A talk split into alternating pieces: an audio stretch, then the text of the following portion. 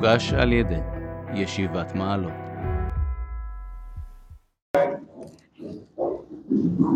אז המדרש, ד' מדרש קצר, אבל יש הרבה מה להעריך בו. יהודה בר רבי, לא רבי, לרבי עצמו קרא רבי יהודה בן הנשיא, כנראה זה רבי, שם של מישהו אחר, פתר את הפסוק של ויהי כל הארץ רפה אחת ודברים אחדים. לא ידעו ולא יבינו כי תח מראות עיניהם מהשכיל ליבותם. פסוק בישעיהו, לא ידעו ולא יבינו כי תח עיניהם מראות, לא רואים, ומהשכיל ליבותם. איבדו את השכל ואת הראייה, לא ראו את המציאות כראוי.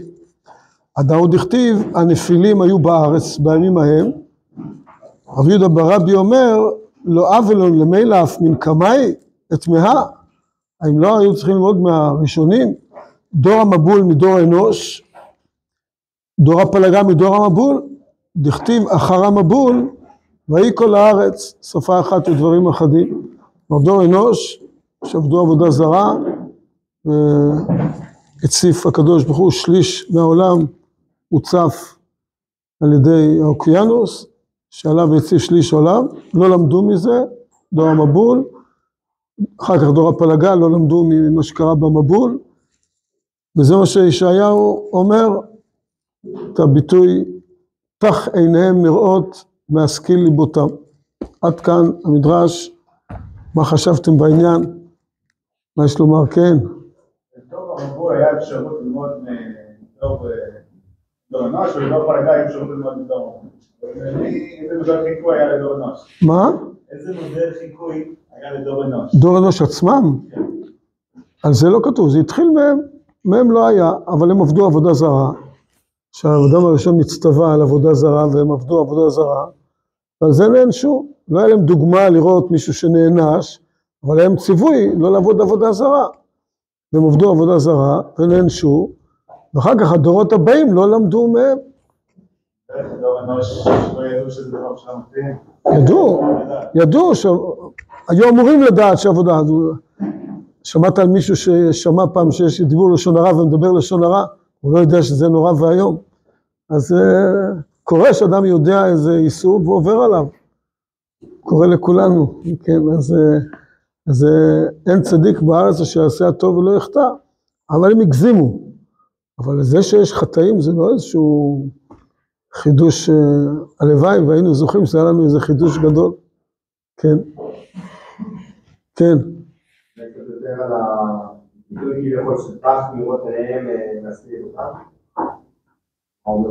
מה- הפשט מובן, פתח עיניהם לראות שכאילו טיח על העיניים, מהשכיל ליבותם, הלב אטום מלהתבונן ולהשכיל, להתבונן כמו שצריך על המציאות. עכשיו, מה זה אומר בפועל? טוב, זה בעצם המדרש, תכף נדבר על זה. כן, כן,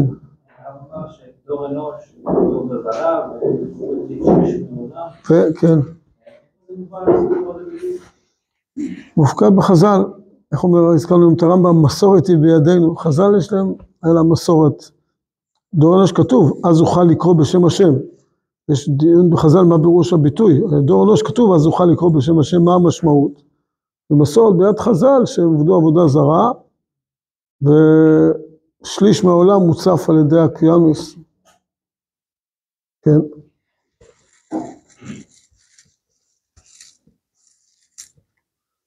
טוב, אז בואו נראה את, ה, את העניין, זה מה שבעצם השאלה הייתה, מה, יש כאן שני דברים, ראשית, לראות איך לומדים את זה בפסוקים, יותר המדרש במובן של הפסוקים, ואחר כך אה, את המשמעות. אז המאמר זו, כך מפרש, המדרש זה כבר מופיע, בפרשה כ"ו, כבר נפגשנו עם דברי רבי יהודה ברבי, ושם המאמר זו מבאר שהפסוק אומר, הנפילים היו בארץ, בימים ההם, וגם אחרי כן, כן, כאשר יבואו בני האלים אל בנות האדם, כן, לקחו להם נשים, להם מוצאו, אז כתוב, הנפילים היו בארץ בימים ההם, וגם אחרי כן, כן, כתוב, וגם אחרי כן, שיבואו בני האלוקים אל בנות האדם.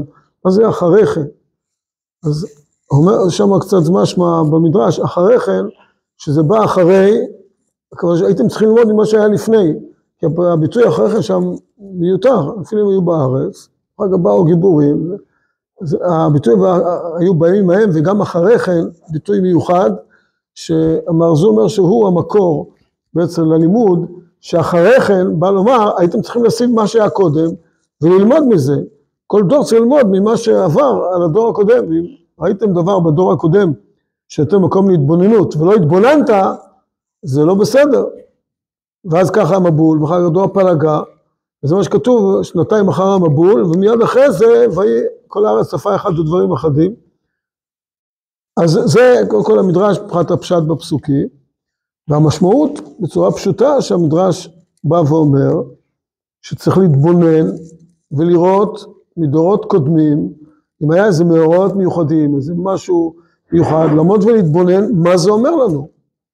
מה זה אומר? זו נקודה מאוד מרכזית וחשובה, של להתבונן במציאות, ולזהות במציאות מה קורה, איך להגדיר את המציאות, דבר שהוא מאוד מרכזי, שלכאורה במדרש פה יש דרישה, רבי יהודה ברבי אומר שיש דרישה כזאת של התורה, וזה הביטוי שגם אחרי כן, שים לב למה שקורה בעולם, ותלמד מזה איך בונים את העולם, מה הערכים, איזה דברים, מה התביעות של ריבונו של עולם מאיתנו. נקודה שמאוד חשוב לשים לב אליה. למשל, רק אתן דוגמה, הרב קוק אה, בדורות שלנו, ככה, מה, מה אנחנו עושים מזה בדורות שלנו. אז הרב קוק מדבר על מלחמת העולם הראשונה, הפסקה הראשונה באורות המלחמה, אומר הרב קוק, שמלחמת עולם של עכשיו, ציפייה גדולה ונוראה יש בה. פותח הרב קוק את מה שעל פי מה שחז"ל אומרים, ראית אומות שמתגרות זו בזו, צפה לרגלו של משיח, שרואים מלחמות בעולם, צריך להתבונן ולראות, צפה לרגלו של משיח, מה, מה ההתרחשות, מה זה מלמד אותי, איזה מדרגה, איזה קומה העולם עולה, קומה נוספת של התבוננות. אומר הרב קוק, מלחמת העולם, מלחמת העולם הראשונה, שהיא, כבר שעם ישראל כבר התחיל לחזור לארצו, והיה הבחינה של הקץ המגולה, שהרצל נותן את פירותיה בעין יפה, שעל זה אמר רבי אבא, בגמרא בסנהדרין, אין לך קץ מגולה מזה. וארץ ישראל אכן עונה, הגיעו אנשים ומיד ארץ ישראל פורחת, אף כל יחסית, אבל בהחלט הייתה כבר פריחה יחסית לכמות האנשים שהגיעו, והארץ הופכת משממה להיות מיושבת. אומר הרב קוק, הנה זה על זה אמרה הגמרא, אין לך קץ מגולה מזה, ומלחמת העולם באה לבטא שצפה לרגלו של משיח, הרב קוק בואו נספר נראה מה זה מביא, מה היה אחרי מלחמת העולם הראשונה, יודעים מה היה בהיסטוריה מבחינתנו, הצהרת בלפור, הצהרת בלפור שהיא הייתה בעצם צעד מאוד מרכזי בשיבה של עם ישראל לארצו. הרב קוק לא היה במלחמת העולם השנייה, בשואה, אבל הרב ציודה, כמה מקומות שהרב ציודה מדבר על התנתקות ישראל מהגלות על ידי אובדן של רבבות אלפי ישראל, ביטויים כאלה שחוזרים אצלו כמה פעמים, שהוא ראה בשואה, במלחמת העולם השנייה והשואה, מבחינת עם ישראל, השואה כדבר מאוד מרכזי, שזה קץ הגלות, זה ריסוק הגלות, אובדן הגלות, שבעצם החיסול, חיסול של הגלות, שמיד אחרי זה קמה מדינת ישראל, שזה עוד צעד קדימה. והרב צוד ראה באמת במדינת ישראל את ראשית צמיחת גאולתנו, וראה בזה חלק מהתהליך, ושוב, מתוך התבוננות בהיסטוריה, מלחמת העולם הראשונה, בעקבותיה הצהרת בלפור, מלחמת העולם השנייה, בעקבותיה הקמת מדינת ישראל, אבל הוא ראה, התבונן במציאות, ואומר, הנה, קץ הגלות, ריסוק הגלות. זה אומר הרבה מאוד. זה אומר שאנשים צריכים להבין שנגמרה הגלות. יש כמה, שניים, שלושה מיליונים, אולי יותר, שעוד לא קולטים את זה, גם בזמננו, שעוד לא מבינים שנגמרה הגלות. ומכל הכיוונים, לא דווקא אנשים כאלה או אחרים, אפילו בכל מיני מקומות בעולם, בונים קהילות, בונים אימפריות, בונים בניינים, כאילו הם באים פה עכשיו לכמה אלפי שנים קדימה. שמבינים שיש שם, בונים בתים, קהילות, פורחות, כאילו לא קרה שום דבר.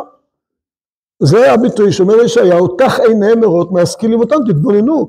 לא קלטתם שנגמרה הגלות, ש, שהתרסקה, שישה מיליונים לא מספיק בשביל לרסק את הגלות? מה עוד צריך לקרות כדי שנבין שנגמרה הגלות? ככה הרב ציודה, שאנחנו עצמנו לא, לא, לא ראויים למבטים היסטוריים גדולים, אבל הרב ציודה חינך אותנו, הרב קוק חינך אותו, והוא חינך אותנו, אה, להביט על הדור ולהביט על התקופה ולראות מה זה אומר. ולא להמשיך הכל כרגיל, וגם כשקורים דברים גדולים, ומתרחשים כל מתרחשיות, להמשיך הלאה, כאילו, בסדר, אה, עובר על ידינו. יש עכשיו בעיה, יש מלחמה, נראה, פתרו הבעיות. להבין, זה אמירה אלוקית, זה בדיוק מה שכתוב פה. יש כאן אמירה, הקדוש מדבר עלינו דרך ההיסטוריה. זה מה שאומר רבי יהודה ברבי. רבי יהודה ברבי אומר שהקדוש הוא מדבר אלינו דרך המציאות. יש נביאים, יש תורה, יש הרבה דרכים איך הקדוש הוא מדבר איתנו. אחת הדרכים שהקדוש הוא מדבר עם העולם, עם האנושות, זה דרך ההיסטוריה, דרך מאורעות שקורים בהיסטוריה. וכשקורה מאורע צריך לבחון אותו. לא תמיד יש לנו כלים, לא לכל אחד ולא, ולא בכלל, כלים מדויקים, אבל באופן כללי בוודאי שאנחנו צריכים לבחון ולשאול את עצמנו את השאלה שירמיהו שואל למשל, על מה עבדה הארץ? קרה משהו, אז הוא שואל את השאלה, על מה עבדה הארץ? והוא עונה תשובה, והתשובה צריכה לחייב את הדורות הבאים. זה, שלא יהיה תח עיניהם מראות, שלא תהיה מציאות כזאת, תח עיניהם מראות, ש, שקורים דברים, וגם נביא כבר אומר על מה זה קרה, והכל ממשיך כרגיל, כאילו לא קרה שום דבר. זה, זה נקודה, תביעה אלוקית מאוד בסיסית מאיתנו, גם ברגעים אלו, להתבונן במציאות ולשאול מה זה אומר. מה, מה זה אומר לנו? יש כאן מאורעות שבלי שום ספרי הקדוש הוא מדבר אלינו דרכה. לעשות לראות מה זה אומר, שלא, שלא יבוא הנביא, דרך אגב, ויגיד, תח עיניהם מרות, מהשכיל ליבותם. לא ידעו ולא יבינו, שאר הפסוקים שם. לא יבינו, לא מבינים, לא, לא קולטים. קוראים להם דברים, מתרחשים דברים, ואנשים לא מתבוננים, ולא מנסים לחשוב מה, מה זה אומר לי על, על המציאות, על התקופה, על מה אנחנו אמורים לעשות, כל, כל יחיד וציבור כציבור, כל ציבור, מה, מה הוא אמור לעשות. אלה, זה לכאורה מה שהמדרש בפשוטו בא, בא לומר. זה, זה, זה הנקודה, זה מה שנשאלה השאלה, תח עיני מירות, זה, זה הנקודה, זה מה שרבי יהודה ברבי בא לומר על מה שישעיהו אמר, לאור הדברים, ישעיהו לא דיבר באופן ישיר על דור אנוש, לא על דור המבול, לא על דור הפלגה, אלא על עצם התופעה שאנשים לא מתבוננים ולא מספיק חושבים על מה שהם עושים. דווקא הפסוקים של ישעיהו יותר קשורים שם לכל הנושא של עבודת אלילים. שאנשים עושים פסלים, עושים פסל בעצמם ומשתחווים לו. כלומר, לא קולטים שהוא, אומרים הצילני, התפללו אליו, אומרים הצילני, אה, ולא מבינים, עכשיו אלילים יכול להיות מכל מיני סוגים וכל מיני צורות של דברים, ו, ו, ולהבין ש, שיש מקום, מקום של תפילה, ויש את החוויה למי עושים את זה ולמה עושים את זה, זה הפסוקים שישעיהו מדבר. אבל רבי דבר משתמש בזה לעצם ההתבוננות בעולם, לעצם העניין שצריכים להתבונן עושים דברים, חושבים דברים, קוראים דברים. אתה, אתה רוצה להביא על עצמך דבר טוב, דרך טובה, על עצמך, על עם ישראל, תתבונן, תראה מהם הדברים הנכונים, מה הדברים הלא נכונים, מה, מה טוב, מה לא טוב, מה נכון, מה לא נכון. וההתבוננות הזאת היא בעצם אה, חובתנו לאור הדברים האלה, וזה מה שאומר רבי יהודה ברבי, שאומר שדור המבול לא למד מדור אנוש, דור הפלגה לא למד מדור המבול, ועל זה ישעיהו אומר על כולנו, בואו נתבונן. ואפשר להגיד שבמאה השנים ככה, מאה פלוס, במאה החמישים שנה האחרונות עם ישראל עבר טלטלות גדולות, ויש לקח את הדברים האלה, לא רק ללמוד מה רבי יהודה ברבי אמר, להרחיק עדותנו אל דור המבול ואל דור הפלגה ואל דור אנוש של ה... מה אנחנו עושים עם זה? מה, מה אנחנו עושים עם זה בדורות שלנו? התבוננות. אז על חלק מהמאורעות זכינו מאורי הדור אמרו לנו, ועל המאורעות שאנחנו עוברים, אין מנוס מ- מלחשוב בעצמנו. מה זה אומר? מה, מה, מה אומרת לנו, אפילו נגיד המלחמה של עכשיו, מה, מה זה אומר? מה הקדוש ברוך הוא מדבר אלינו דרך המלחמה הזאת, מה, מה הוא אומר לנו? בלי שום ספק, הוא מדבר איתנו דרך זה. אז צריך לשאול, מה, מה דבר השם שעולה? שזו השאלה המרכזית שאנחנו אמורים לשאול אותה. כן, שרוצה לומר משהו, להעיר משהו בעניין. איך אה, מבחינים בין אה, הסברים שונים שניתנים. היום, כן. האירועים האלה, אני אומר, כן, ודאי, כן, למשל, כן, כן, אני חושב שפה אין מנוס מלחשוב על השכל ישר ועל דברי חז"ל ודברים של גדולים בישראל, שדיברו איתנו על דברים, ולהשתמש בדבריהם. למשל, רק אמרנו את השואה. היו גדולים בישראל שהבינו שהשואה באה בגלל הציונות, בגלל שבאו לארץ. כלומר, שואה זה הייתה, כשהקדוש ברוך הוא אמר לנו שכל הציונות היא דבר לא נכון, ועל זה באה השואה. שפה צריך את השכל הישר, להגיד באמת מה השואה, מה בא בעקבותיה, האם זה אומר שהציונות זה דבר גרוע, ולהיות אנטי ציוני בעקבות השואה, או להיות ציוני בעקבות השואה. ובהחלט היו גדולים שאמרו ככה.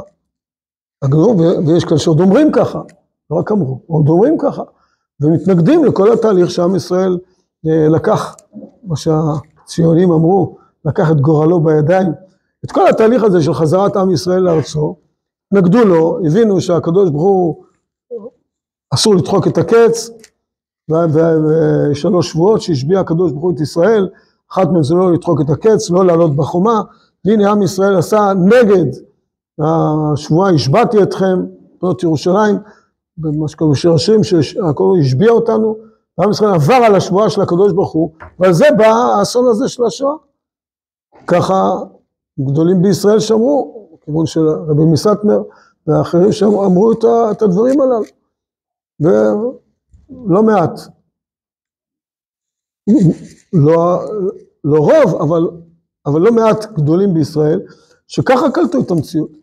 אז יש הסתכלויות שונות, ואנחנו צריכים באמת בשכל ישר לקבוע, על פי גם דברי רבותינו וגדולי הדורות, וגם מהתבוננות, כשגדולי הדורות עזבו אותנו, אז, אז איך, איך להתבונן לאור הדברים שלהם על המציאות שאנחנו חיים אותה.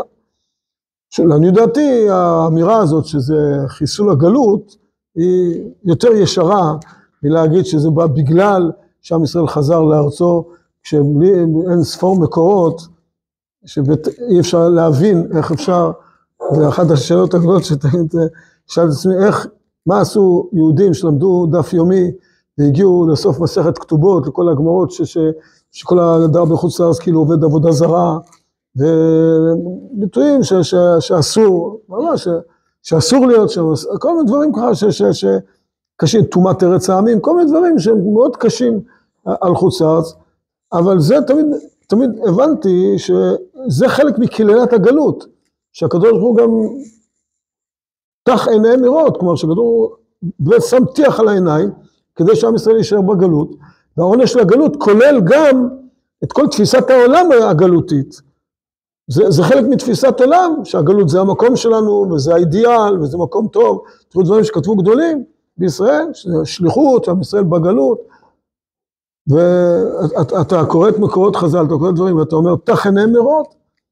זה מנוגד לאין ספור רבבות מקורות של חז"ל, שזה, אבל זו עובדה שיש אנשים ככה חשבו, וכנראה גם זה בשליחות הקדוש ברוך הוא. גם התפיסות האלה שרצה לשמר גם טענו שהגלות לא, לא ביום אחד פתאום תתפרק, אז זה, זה תהליך, ו, וזכינו שאנחנו בצד הזה של התהליך, כן? בצד שנראה בצורה פשוטה, ישר יותר. אני מודע לזה שהם אומרים בדיוק אותו דבר, בסדר, אבל... אנשים בעצם ממשיכים את מה שהם חשבו קודם, לא לגמרי. רואים את זה גם היום, פרשנויות שניתנות. לא, לא, לא לגמרי, זה לא מדויק. ובעצם אז אנחנו לא מסתמכים על המאורעות, אלא על איזה...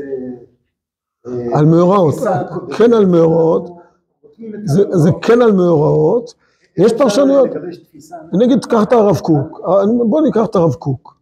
הוא חידש מאוד, זה לא שהיה לו תפיסת עולם ועכשיו הסתדר לו עם מלחמת העולם.